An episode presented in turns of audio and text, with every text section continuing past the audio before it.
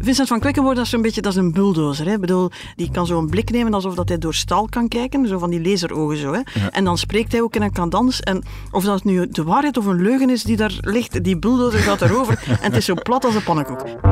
Het heeft veel te lang geduurd, maar we zijn terug met het punt van Van Impe. Ik kan dus weer elke week van Brussel naar Antwerpen. Daar krijg ik alle antwoorden op mijn vragen over de politiek in ons land. Want op de redactie van het Nieuwsblad weten ze exact hoe de vork in de steel zit. Ik trek mij terug samen met de hoofdredacteur Liesbeth Van Impe. Dag Liesbeth. Dag Jeroen. En met de chef politiek Hannes Hendricks. Dag Hannes. Dag Jeroen. Ik ben Jeroen Roppe. Dit is de politieke podcast van het Nieuwsblad. Het punt van Van Impe.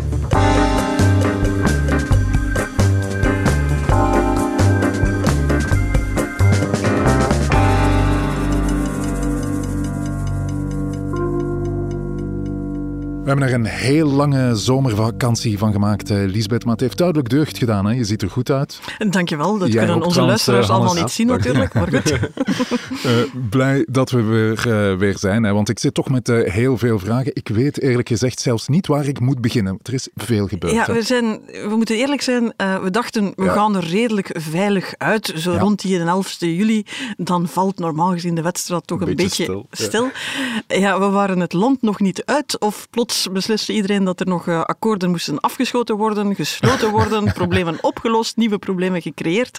Eh, ja, eh, ik geloof, jij zat in Colombia. Ja, ik zat in Colombia. Ik heb, we hebben een aantal WhatsApps uitgewisseld, Lisbeth en ik. van Ja. shit, wat moeten we nu doen? Ja, het bleef alles behalve stil. Ja, ik had nog in de auto kunnen springen om te zeggen, we gaan nog wat afleveringen maken. Maar ja, nee, het, het, het, het, het vat was af, zoals het heet. Dus we hebben het van op afstand. En dus nu kan iedereen ervan genieten dat we dat allemaal hebben kunnen laten bezinken. Niet het onmiddellijke oordeel. Het is gecomposteerd en we kunnen ermee verder. En we kunnen rustig onze tijd nemen. Eh, ik wil het zeker hebben over de verjaardagsparty van eh, Vincent van Quickenborne ergens in augustus. Want die zindert duidelijk nog na. hè. Blijft eh, minister van Quickenborne overeind, denk je, Hannes? Ja, dat denk ik zeker wel. Ook omdat zijn partij helemaal niet, eh, hem, hem niet laat vallen. Ja. Hij praat ook zelf door alles heen, eh, hij blijft bij zijn uitleg. Ik vind wel dat er naast eh Pipigate, het plassen zelf, veel te weinig over die dresscode wordt eh, gesproken. Ja, allemaal eh, in het wit, met zonnebril. Ja. Eh, en eh, er waren heel wat korte broeken. Ik wil de discussie niet opnieuw voeren. Het was hier, maar, vakantie, eh, het Jeroen, dan mag dat, hè? Dan mag dat, Maar toch niet in het volledig wit, dat zou ik zelfs niet doen. Ja, oké, daar hebben we het straks over. Het viel me ook op, eh Lisbeth, dat de CD&V'ers in de federale regering eh, nogal fors uit de vakantie zijn gekomen. Ja, die Ik hadden heb het precies dan- wat eerder dan al de rest doordat de vakantie voorbij was. En Ja. dachten, we gaan eens zorgen dat we een claim kunnen leggen op die eerste week. Ja, zo. dat Plots we er waren ze, al, staan. waren ze er allemaal. Ja, en dan heb ik het over eh, Nicole de Staatssecretaris voor asiel en migratie, over Annelies Verlinde, minister van Binnenlandse Zaken, en over Vincent van Petegem, de minister van Financiën. Ehm, krijgen we een assertievere CD&V in het najaar, denk je? Eh, dat zou kunnen, maar er was ook wel wat goed te maken. Hè? Want als we straks, we gaan nog even heel kort terugblikken straks, Ja. maar ze zijn heel slechte vakantie ingegaan. Ze komen nu assertief terug. Of er een groot plan achter zit, of het gaat blijven duren, dat gaan we nog moeten zien. Ja. Maar je ziet wel, zo'n opsteker als de staatsbon, dat verandert wel direct het discours natuurlijk, dat rond een partij of rond een paar van de kopstukken hangt. En natuurlijk wil ik ook graag weten hoe de kaarten politiek liggen na de zomervakantie en in het jaar voor de verkiezingen. Ik heb trouwens een eh, hele mooie brief gekregen deze vakantie. Een eh, brief van studenten aan de Antwerp Management School, die eh, aan een heel mooi project bezig zijn. Een project rond wijn, wijn uit het land van Herve. Dat ligt in Luik. En zij steunen dat project als een van hun opdrachten in de Antwerp Management School. Kunnen dus straks zeggen, we hebben medewijn gepromoot, want we hebben hem in de podcast gekregen. Voilà. Eh. Mocht je zelf eh, een wijn hebben liggen of eh, ergens een project steunen, hou je zeker niet in en stuur, het, stuur het gerust op. Ik voel deze oproep potentieel als een boemerang in ons gezicht terugkeren, maar goed. we zullen alle inzendingen beoordelen op hun appetijtelijkheid. Ja, we drinken trouwens een witte Le Rémouleur van dus, het land van Herve, een vin du pays de Herve. Gezondheid op een nieuw seizoen van het Punt van Van Impe.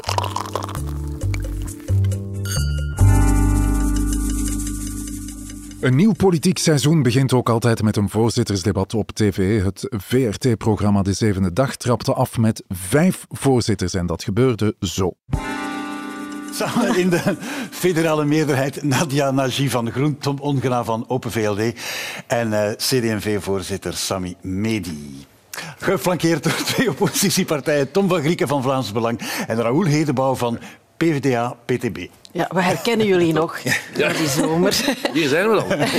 maar misschien toch ook inderdaad zeggen hè, dat er twee ontbreken. Hè, want we zijn eigenlijk met zeven. Bart de Wever van N-VA en Conor Rousseau van Vooruit wenste liever niet deel te nemen. Waarvan acte. Mais les absents ont toujours tort, heb ik uh, geleerd.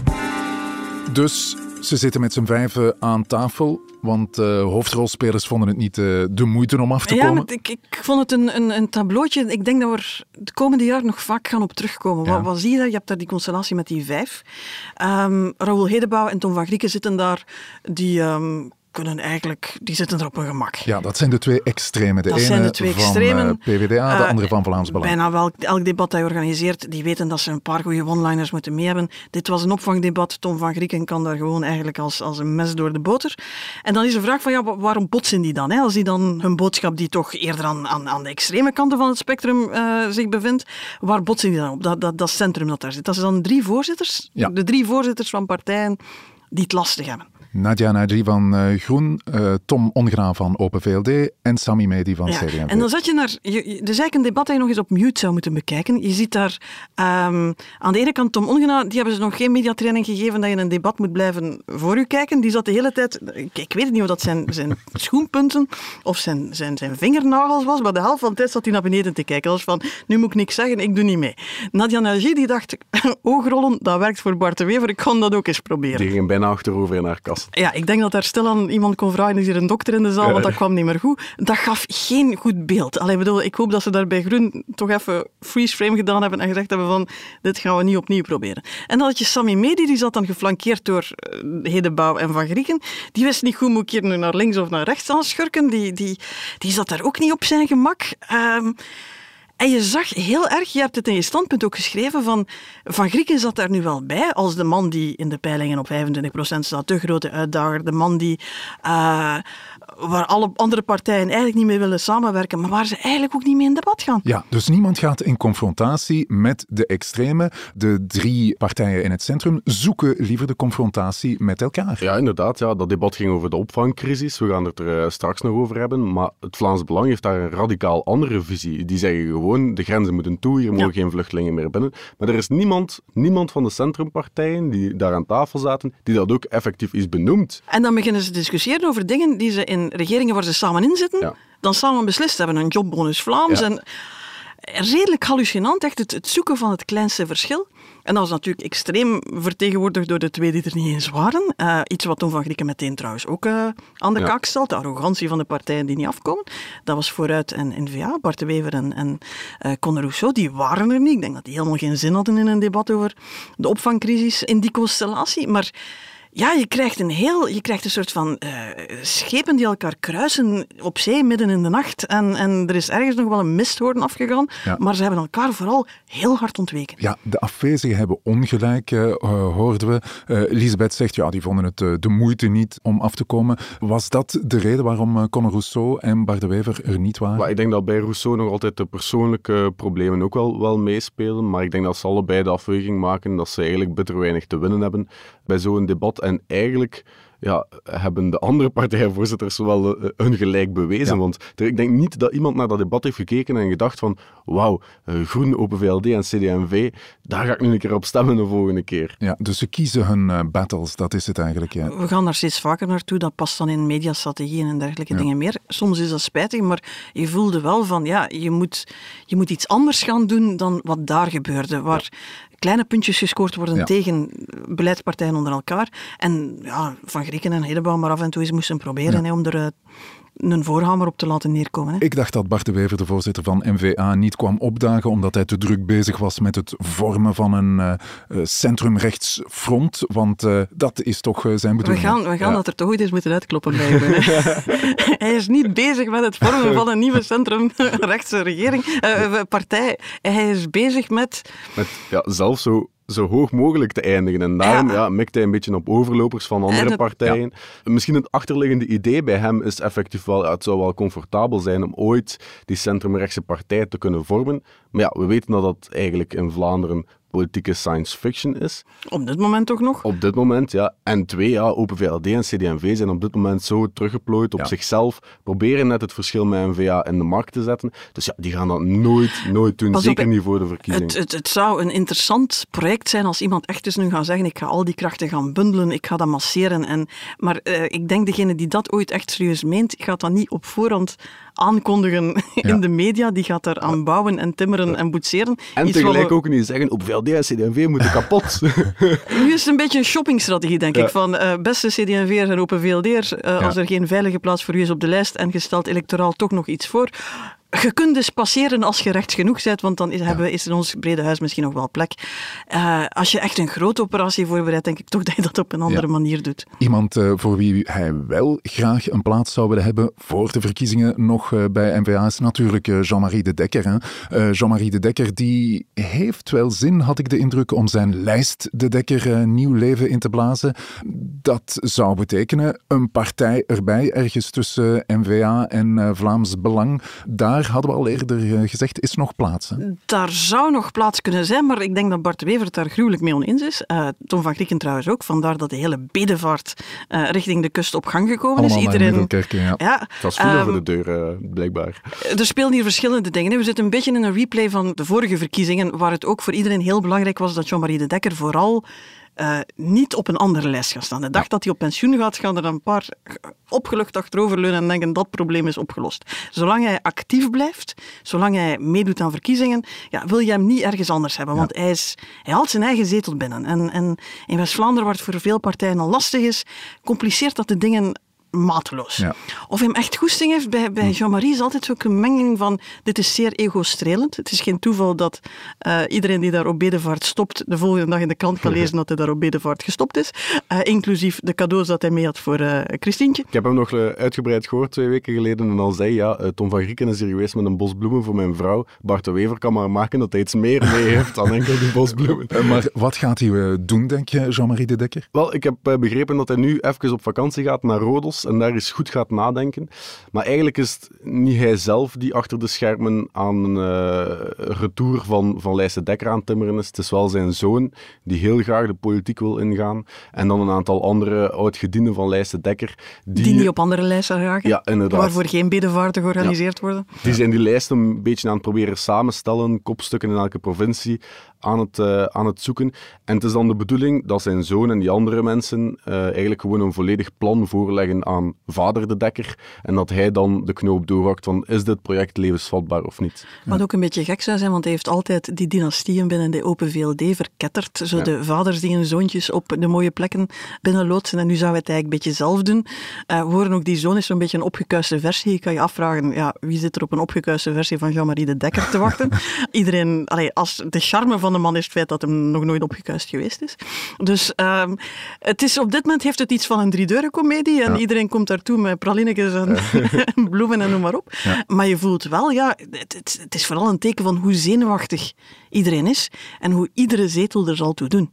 Hoe die ene zetel van de dekker, ja. dat iedereen die toch wel liefst in zijn eigen kolom wil hebben. Omdat anders, ja, het nog moeilijker wordt het nog meer dreigt vast te zitten. Oké, het politieke najaar is eh, begonnen. Ik onthoud vooral, dat uh, is een goed eerste punt, denk ik. Hannes, de centrumpartijen zouden beter in debat gaan met de extreme in plaats van elkaar vliegen af te vangen. Ja, op dit moment zijn ze gewoon die verschillen die er zijn tussen elkaar gewoon aan het uitvergroten, aan het opblazen eigenlijk. In een poging elkaar de laatste procentpunten af te, af te pakken. Uh, terwijl dat ze vergeten dat die extremen er compleet naast staan, buiten het debat en slapend rijk aan het worden zijn. Ja, en tegenover een extreem verhaal, als je zegt van ik maak me daar zorgen over, over de democratie, iets wat we de hele tijd horen bij politici, je gaat er iets tegenover moeten zetten. Iets dat inhoudelijk is, iets waarvoor je je nek uitsteekt, iets waarmee je iets gezegd hebt. Geen platitudes. Het punt van Van Impe.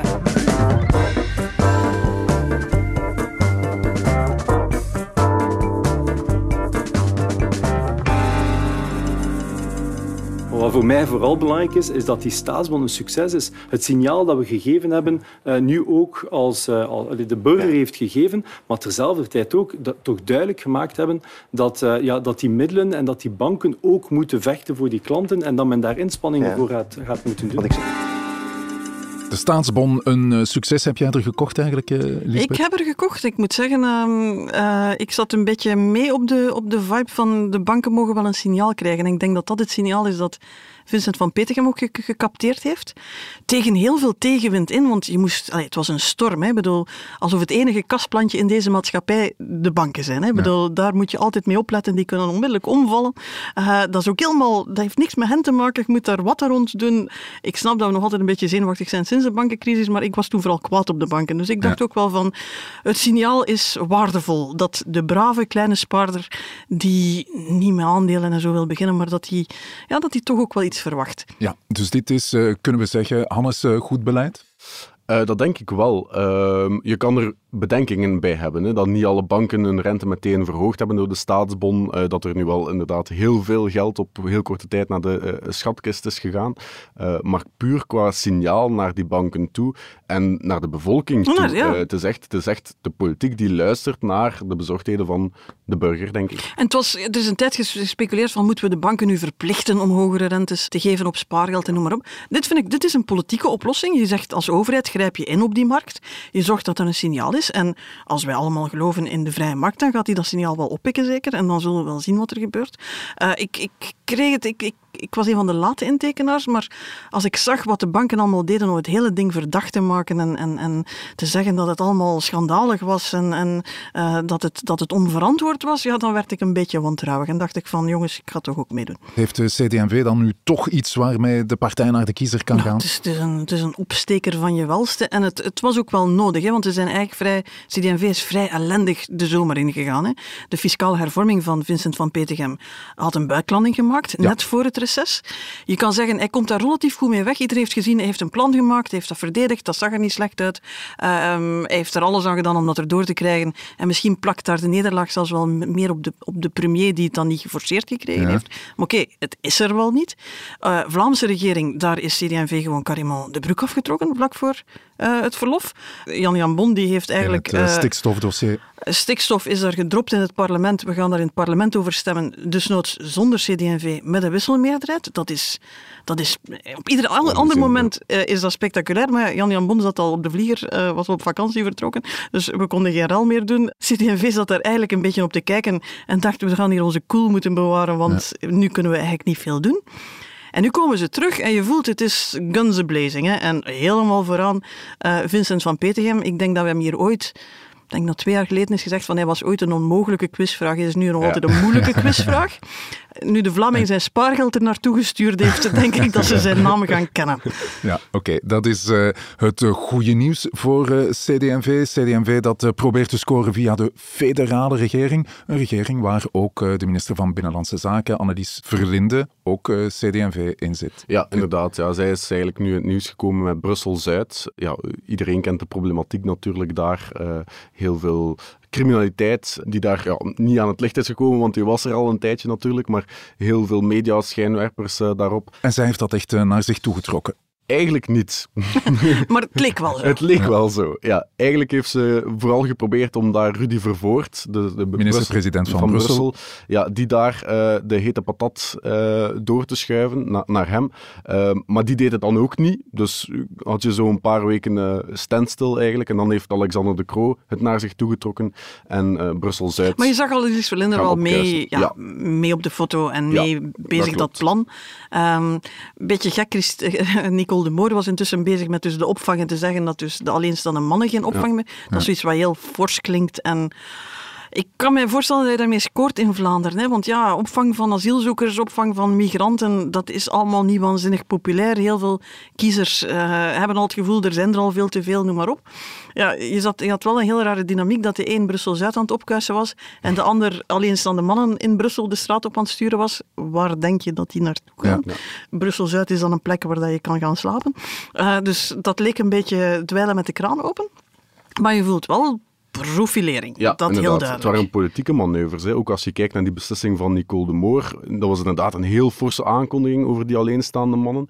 Maar in de realiteit is dat wel al maanden zo dat er een wachtlijst was voor alleenstaande mannen en dat vrouwen en kinderen eh, voorrang kregen. Eh, dus dat was echt een, een, een puur politieke aankondiging die dan op heel veel reactie is, eh, is gestoten, onder meer van de linkse partijen binnen de regering. Ja. Maar je voelt het hè, aan de CD&V'ers dat ze inderdaad proberen om de gaatjes op te zoeken Ja. van waar kunnen we hier politiek scoren. Profilering noem jij het, Lisbeth. Zit daar een, een eh, strategie, een nieuwe partijstrategie achter? Dat is eigenlijk de grote vraag, want de meeste CD&V'ers zijn de eerste om te zeggen nee. eh, dit komt niet van bij Sami Medi, dit is niet Nee, gecoördineerd. Sami iedereen, Medi is de voorzitter. Hè? ja, iedereen doet maar wat eh, en toevallig kon je de tv niet aanzetten en waren het allemaal CD&V'ers die passeerden. Ehm, het blijft een gekke partij op dit moment die nog heel hard aan het zoeken is naar wat is mijn verhaal. Ja, maar ik las in eh, Knak, eh, Hannes, eh, de CD&V speelt weer mee. We zien een duidelijke nieuwe CD&V die niet meer met zich laat sollen. Dat was eigenlijk wat eh, Knak schreef. hè. Ja, inderdaad, maar ik denk dat ze daar een, een heel overkoepelend verhaal vanuit eh, de wedstraat 89, nu ze zijn daar al verhuisd, maar bon, iedereen noemt het uh, partijhoofdkwartier van CD&V nog altijd zo, dat dat dan een centraal aangestuurde actie is. Ik denk persoonlijk dat dat niet zo is. Dat uh, net omdat... Wel, omdat je ook al die sms'en van al die CD&V'ers hebt gekregen die zeiden van nee, zo zit het niet helemaal. Blij dat iemand zegt dat we terug zijn, maar... Ik wil, ik wil mijn bronnen een beetje beschermen, uh, Lisbeth, maar... er zijn nog altijd veel CD&V'ers die in aanmerking komen, hè? inderdaad, ja. Maar, nee, maar zij zeggen inderdaad van, ja, die baronieën binnen CD&V, dat speelt nog altijd. Ja. En ja, de CD&V zit in de verdrukking, dat is waar. En iedereen maakt daar zijn individuele rekening van, shit, ik wil wel nog een job na 2024. Dus we gaan iets moeten doen. Ja, tweede punt. Veel profilering, uh, veel one-shots uh, vanwege CD&V'ers in de federale regering. Maar zoek er geen strategie achter. Die is toch nog niet duidelijk. Maar goed, uh, we hebben hier al een tijdje in de podcast van met welke partij moet, moet je het meest medelijden hebben. Het was lang CD&V. Vandaag zou ik zeggen Open VLD. CD&V heeft terug een polslag. Het punt van Van Impe.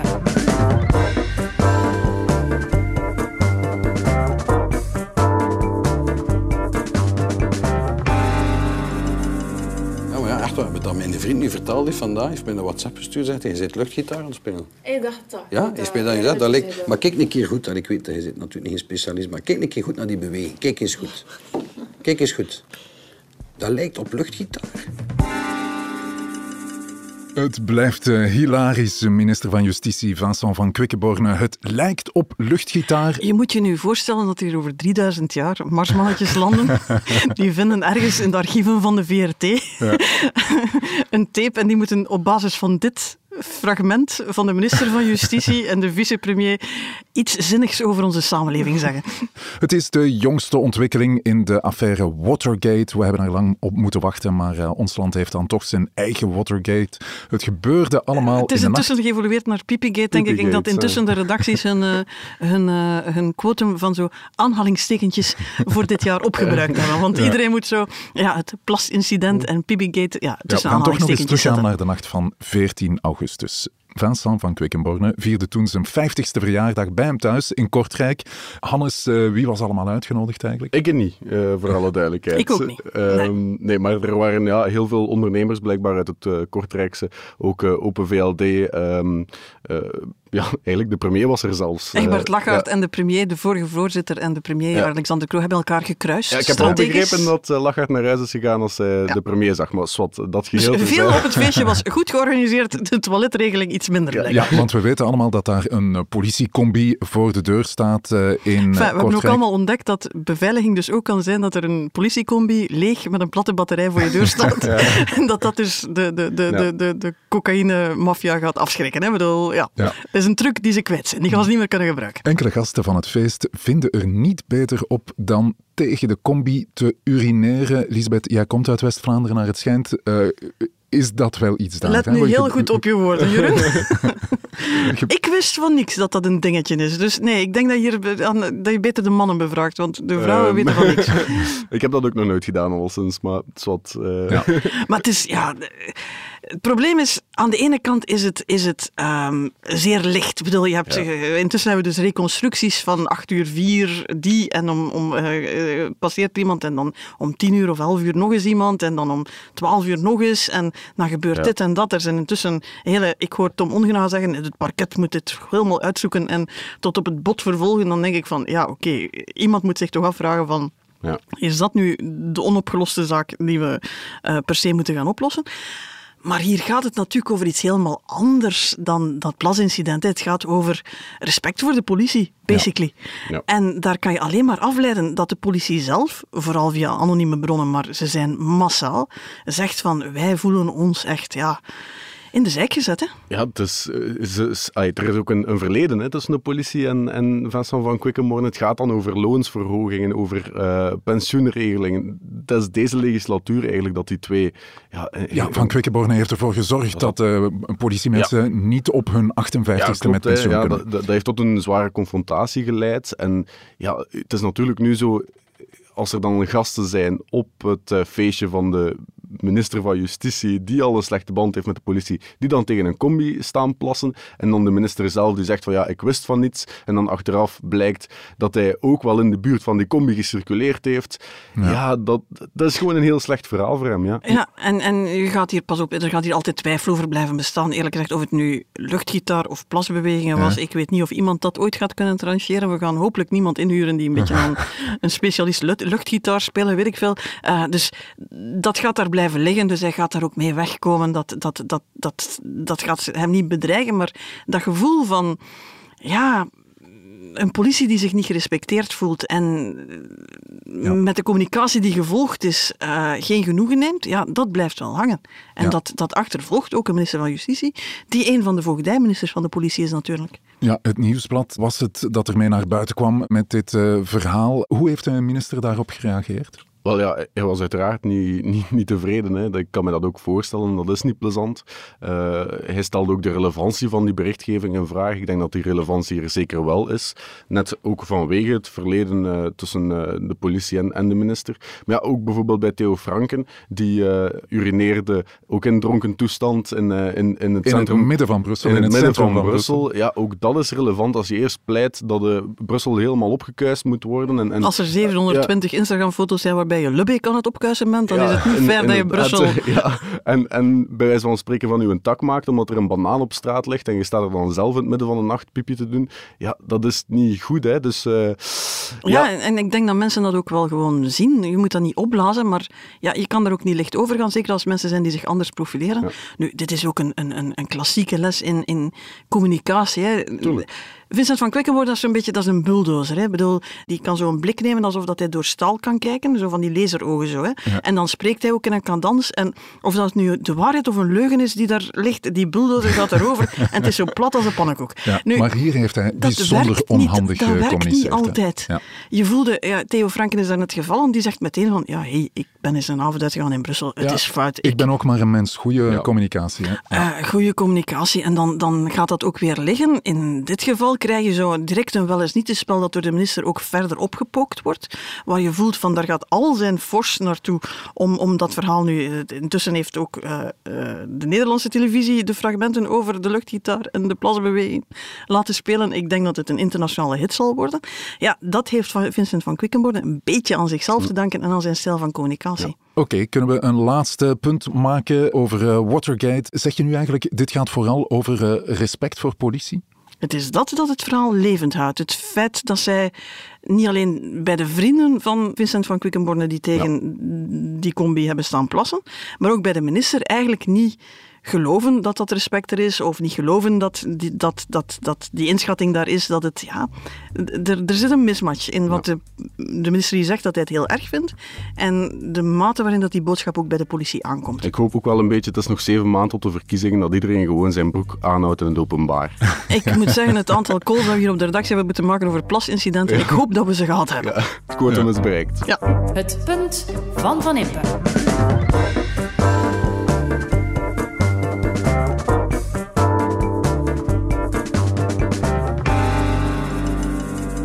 Dankjewel voor de punten. Zo zijn we weer uh, vertrokken hè, voor een nieuw seizoen Punt van Van Impe. De punten waren helder, net als deze Vin du Pays de Erve. Met dank aan, want ik zal ze toch maar eens vermelden, de studenten. Hè. Uh, Stefan Vermeulen, Lisa de Mol, Edwin Remmery en Michiel van Geet. Die studeren aan de Antwerp Management School en helpen dit schitterende project. Goed, ik ben ermee weg. Tot het volgende Punt van Van Impe. Dit was het punt van Van Impe, de politieke podcast van het Nieuwsblad. Je hoorde de stemmen van hoofdredacteur Lisbeth Van Impe, van Hannes Hendricks, chef politiek, en van mezelf, Jeroen Roppe. Dank aan de VRT voor de audioquotes, aan Pieter Schrevens voor de muziek en aan Pieter Santens van House of Media voor de montage. De productie was in handen van Nathalie Delporte en Bert Heijvaart. Tot het volgende punt van Van Impe.